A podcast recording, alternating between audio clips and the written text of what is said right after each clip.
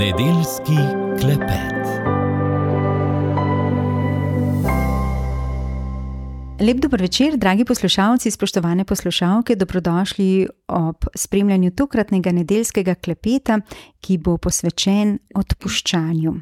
Moja gostja nocoj bo psihologinja Janja Frilih Gorjanc. Lepo pozdravljeni. Lepo pozdravljeni tudi z moje strani. Če se spomnimo na molitev Oče naš, v njem molimo: Odpusti nam naše dolge, kakor tudi mi odpuščamo svojim dolžnikom. In če se najprej dotaknemo prvega dela teh besed, torej neskončne božje ljubezni, ki nam odpušča. V življenju so obdobja, ko bolj ali manj močno čutimo to, da nam Bog odpušča, in me zanima, kako vi doživljate to lastnost Boga in kaj svetujete v obdobjih naših temin, ko ne čutimo, da nam Bog odpušča, kaj storiti takrat. Enoč, kaj dosti ne moramo storiti. Ne? Zdaj, to je vera. Tudi če ne čutimo, ne? včasih čutimo to božje odpuščanje, pa to božjo bližino, včasih je ne čutimo, ampak to ne pomeni, da je ni. Pač jaz nekje verjamem, da je prisotnost vedno tukaj, odpuščanje tudi, bolj je odvisno, v kakšnem stanju smo mi. Ne, tako kot ste rekli, um, ko smo v teminah, tam je še sploh na preizkusu naša vera. Ne čutimo, takrat je enostavno, nekaj čutimo, pa čutimo božjo ljubezen, pa vse je fajn, pa smo nekaj v tem objemu. Takrat imamo izkušnjo, takrat ne rabimo vere. Ko pa pride do teh temin, ko ne čutimo te božje bližine, takrat pa se moramo večkrat bolj na vero upreti, pač verjeti, ker ne čutimo, pa na, bom rekla, svoje izkušnje ali pa na svoje spomine, da gremo lahko skozi to. No, in če se zdaj dotaknemo še drugega dela besed iz oče naše, torej da tudi mi odpuščamo svojim dolžnikom. Večkrat slišimo o dobrodejnosti odpuščanja, pa je kljub temu marsikdaj težko odpustiti. Kakšen je vaš nasvet? In na vse zadnje v molitvi prosimo Boga, da nam odpušča, tako kot odpuščamo sami, sami si torej odmerjamo božjo širokogrudnost. Mi si odmerjamo lastno širokogrudnost, bom rekla. Božja širokogrudnost je pač neskončna. Jaz to besedo, kakor tudi mi odpuščamo, um, bolj razumem v tem smislu, da je odpuščanje predvsem za nas. Bog nam je tako odpusti, Bog nas vodi. Ne? Jaz ne verjamem, da nas Bog kaznuje. Bog nam pač daje izkušnjo, pri kateri se potem mi učimo, oziroma napredujemo na svoji poti. Jaz tega ne dojemam kot kazen mhm. ali pa kot da bi. Uh, Ne vem, te grehe naše Bog držal zase, pa neko zamero držal do nas, ampak uh, gre predvsem za to, da imamo mi zamero do sebe, da mi držimo. Mi imamo zamero do sebe, imamo do drugega, mi nek, nekaj držimo. Bog ne drži, on ne rabi tega. Je pa ta pač. Uh, Tak je pač moj pogled, ta božja ljubezen do nas, to, da nas včasih mečka, ne vem, malo porine v določeno smer, malo kakšno uviro nastavi, ampak ne zaradi sebe, ampak zaradi nas. In uh, jaz to besedo, se pravi, kakor tudi mi odpuščamo svojim dolžnikom, po eni strani uh, jaz to slišim kot eno, um, kot en nauk. Se pravi, kar drugim odpustite, boste, boste lahko tudi nekaj sebi odpustili. Ne, da imamo neka dvojna merila, se pravi, nekdo mora meni odpustiti, jaz sem čisto ok s tem, kar, kar delam, drugi mi morajo odpustiti, ampak kot en tak načaj, ne, da smo si, v bistvu, kot, jaz to razumem kot odnos. Enako vreden uh, odnos med nami. Se pravi, jaz pogledam tisto, kar, kar sem jaz naredila na robe, ti pogledaš, kar si ti naredil na robe, pa mogoče sploh ni na robe, ampak nekje smo se zapletla. Ampak kje je tista tvoja odgovornost, kje, zakaj sem? Kje si ti tako reagiral, reagirala, kje sem pa jaz?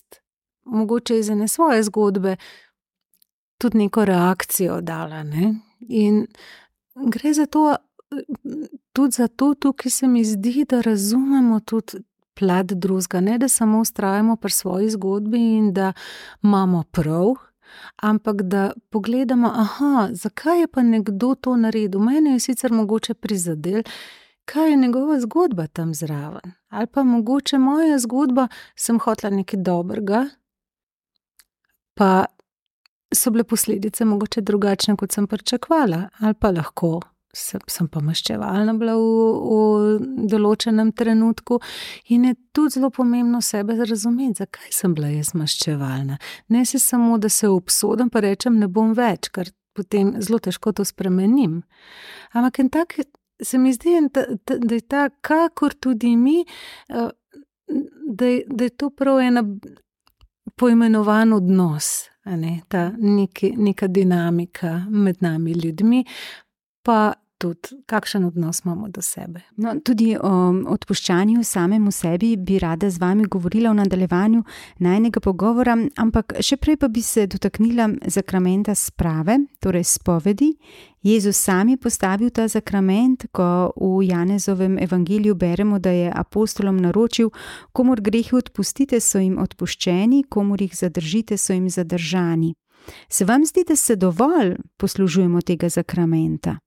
Zelo težko je sodim, dovolj, ne dovolj, ampak eh, se mi zdi zelo pomemben ta zakrament. Jaz nisem teologinja, tako da zelo težko pač govorim o samem zakramentu. Zagotovo je pa to nek dar, ki ga dobimo, ne? neka milost, ki jo imamo. Zdaj pa kaj pa je ta milost? Zakaj sploh gremo neki spovedi? Ne zato, da bomo, aha, da bomo lahko potem naprej pač bom rekla, ga biksal po domače še naprej, bo itak mi bo kot pusti, ampak je v bistvu to v smislu rasti. In vemo, da tudi. Ko nekomu, jaz lahko vse živo v svoji glavi razglabljam in čutim in vidim, in ne vem, kaj vse se, se mi tam noter dogaja. Ko nekomu povem, ko moram to izraziti, ko moram to nekje oblikovati, ko slišim samo sebe, mogoče pride do enega drugačnega uvida.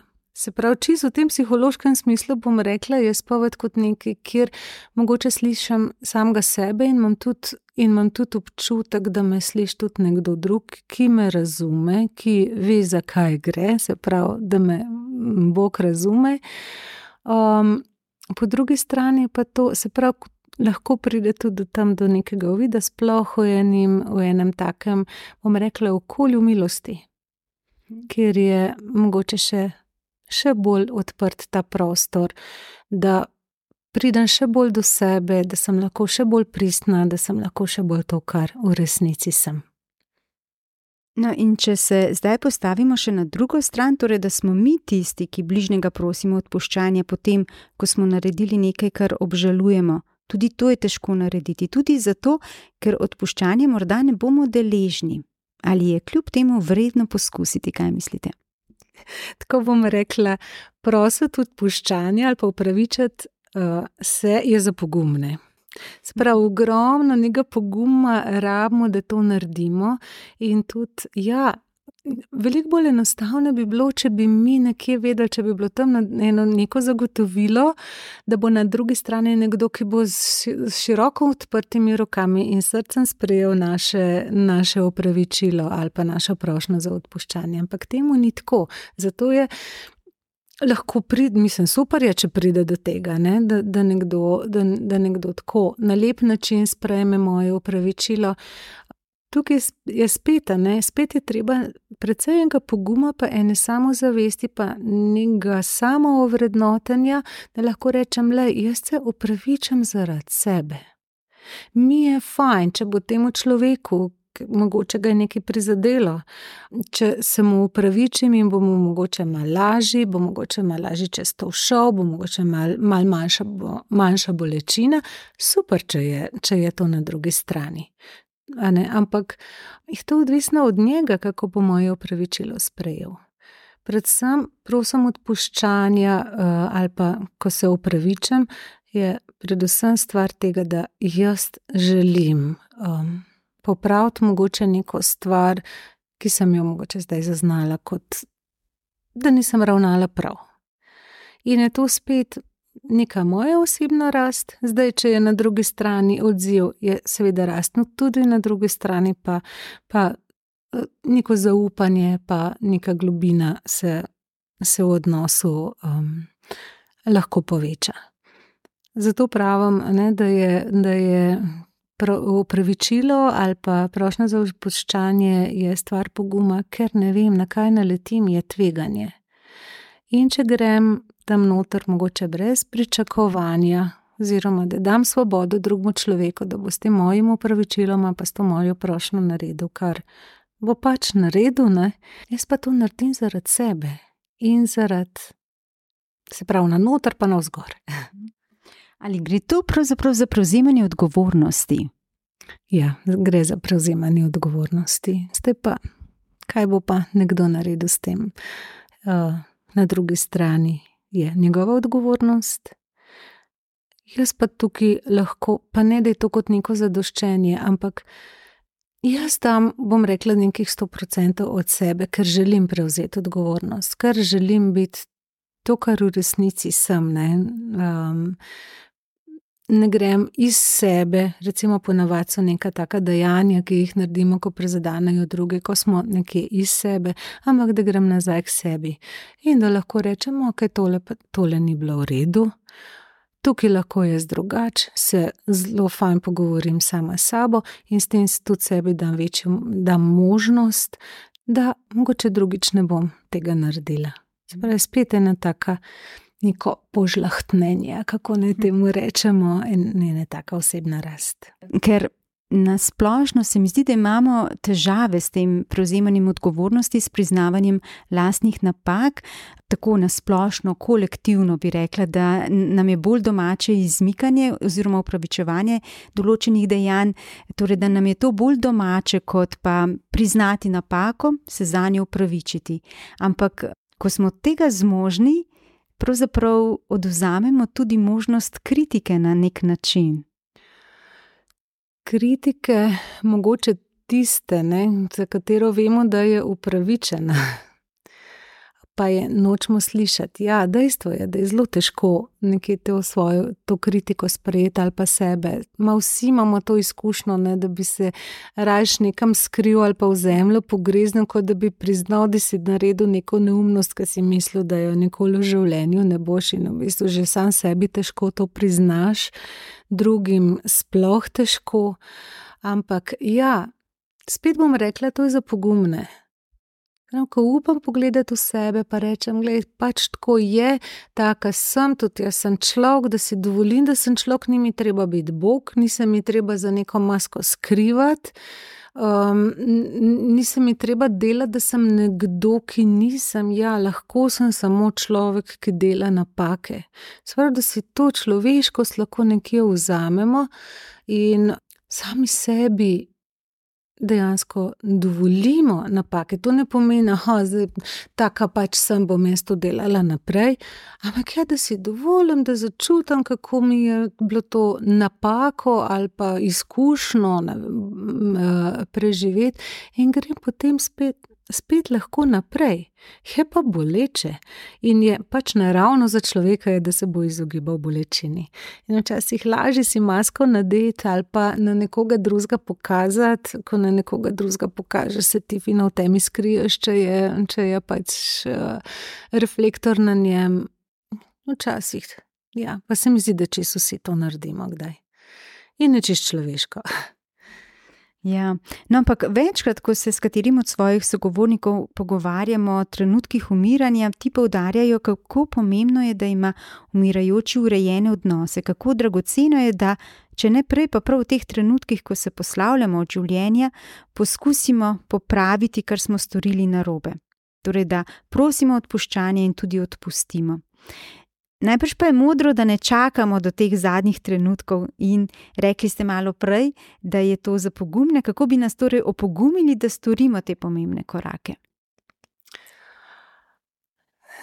Opogumiti težko, da bi, da bi rekla, da je to pa to naredite, pa dobite pogum in gremo naprej.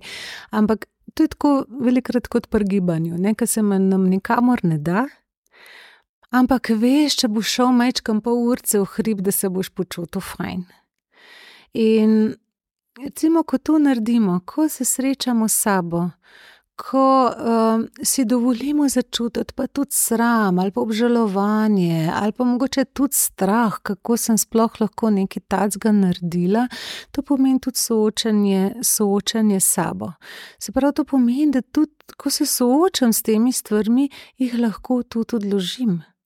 Se pravi, najprej jih moram videti, jih moram začutiti. Lahko rečem, ok, koliko me to obremenjuje, a se lahko si zdaj odpustim te stvari, ali lahko prosim odpuščanja, ali uh, moram te stvari še kar mečka nositi, nositi naprej. V bistvu je to nekaj vrste odločitev. V bistvu gre za to, da pomislim, kako mi bo pol, ko pa to naredim. Težko bo iti skozi ta proces, ampak kakšen bo rezultat za mene, za drugega, za, za, v končni fazi za cel svet. Ampak kaj pa v primerih, ko recimo nekdo, ki smo mu mi nekaj slabega storili, ne živi več, je že umrl ali pa nikakor noče z nami imeti stikov, Kaj pa takrat, ali bi lahko si pomagali na način, da naprimer napišemo pismo ali pa povemo terapeutu, spovedniku, kaj mislite? Ja, sigurno, ko te, ko te stvari obesedimo, nam je sigurno lažje, ko dobimo neko perspektivo na te stvari, nam je lažje. Um, tudi, če mogoče nekomu nismo povedali, ampak če nekaj verjamemo v, v posmrtno življenje, nekaj tudi verjamemo, da nas ta človek sliši. Ne? Druga stvar je to, če nekdo je še živ, pa noče tega slišati. Ampak tukaj, tukaj dejansko moramo nekaj razmejiti. To je njegova odgovornost. Ali sliši ali ne sliši, jaz lahko sto procentno svoje strani naredim. Ne morem pa vplivati na to, kako bo ta človek to sprejel.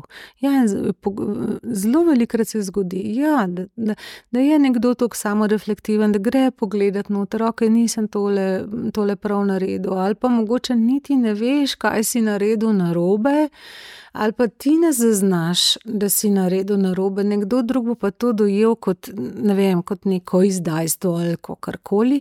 Ampak to je pa te, že njegova zgodba in se mi zdi zelo pomembno imeti tudi neko spoštovanje do njegove zgodbe. Če ne zmore sprejeti, pač ne zmore sprejeti in to ni več moja stvar. Um, mi je težko, bi rajš videla, da, da sprejme, pa, pa sliši, pa da se nekje najn odnos nazaj vzpostavi. Ampak ne morem ga prisiliti, jaz pa lahko naredim tisto, kar je na moji strani, kar, kar je možno na moji strani. No, in uh, na vse zadnje bi rada z vami eh, spregovorila tudi o odpuščanju samim sebi, o tem, nekaj ste o tem že povedali nocoj.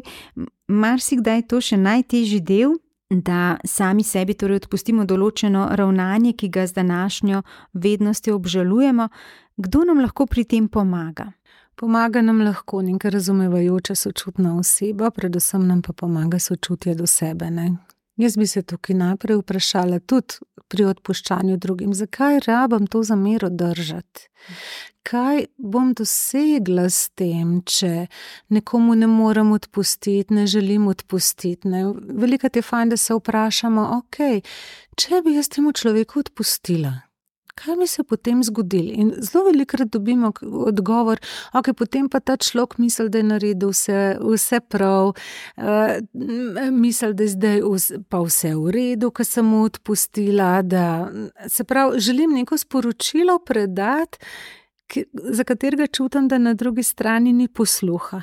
In velikrat, recimo, tudi to zamero držimo in do drugih, in pa do sebe. Se pravi, če bom sebi odpustila, me je strah, mogoče same sebe, da bom to ponovila.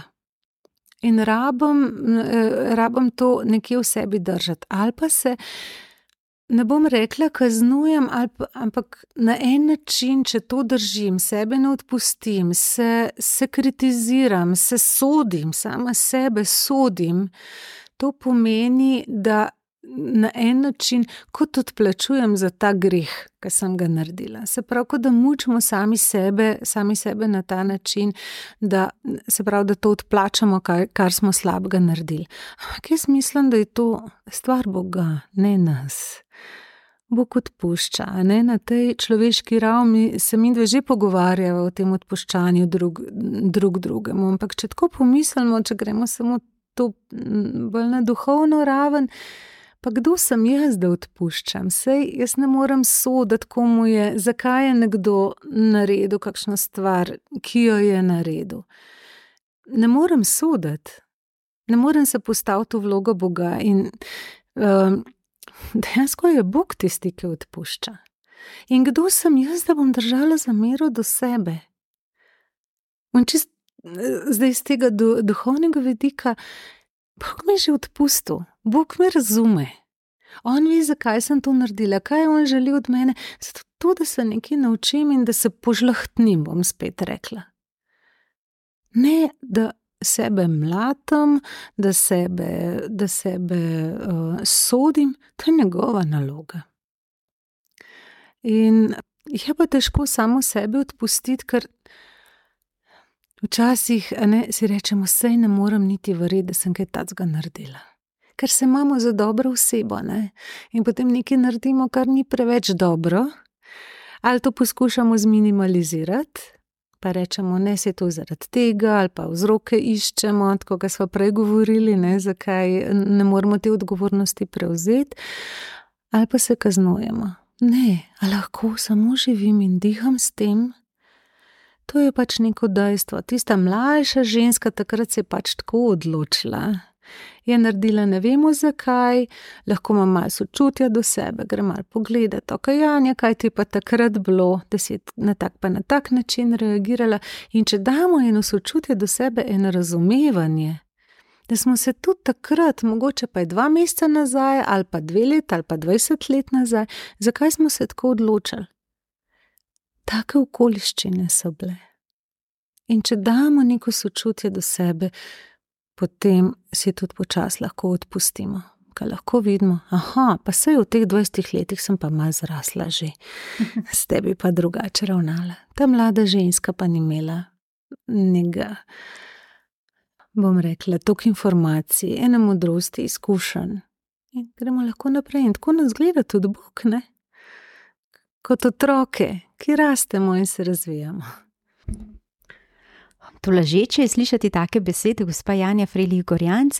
In zdaj na pragu jeseni, ko pobiramo pridelke z naših vrtov, polj, sadovnjakov, lahko poberemo tudi pridelke leta, ki se počasi izteka.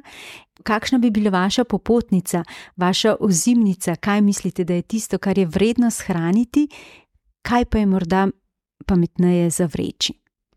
Hm, če ravno govorimo o odpuščanju, ne, se mi zdi, da je fajn pogledati, za katere stvari lahko odgovornost prevzamem, za katere stvari, kje lahko grem jaz naprej kot človek, kje se lahko. Pa ne bom rekla, jaz težko rečem, izboljšujem, ampak postanem, postajam vedno bolj to, kar v resnici sem. Kaj me pele bliže k temu mojemu bistvu, kaj me od njega oddaljuje. In tiste stvari, ki me peljejo bližje k sebi, jaz bi k temu, temu rekla tudi bližje k Bogu, tisto obdržim, tisto me žlehtni. Kar me pa pelje stran, tisto pa mal premislim, da bi še vzela sabo ali ne. Tako in eh, s temi besedami, temu vabilu k razmisleku, zaključujeva naj današnji pogovor, nocojšnji nedeljski klepet. Janja Frelih Gorjanc, prav lepa hvala za vse misli, ki ste jih delili z nami in našimi poslušalci. Vse dobro vam želim in se že veselim najnega naslednjega klepeta. Hvala tudi vam. To je bil oktobrski nedeljski klepet, naša gostja je bila psihologinja Janja Frelih Gorjanc, tema tokratnega pogovora pa odpuščanje. Prav lepa hvala za vašo pozornost, spoštovani poslušalci, drage poslušalke. Od vas se za nocoj poslavljava tehnik Jakob Čuk, ki je poskrbel za tehnično izvedbo oddaje in voditeljica Damjana Medved. Lepo se imejte in srečno. Poslušali ste nedeljski klepet.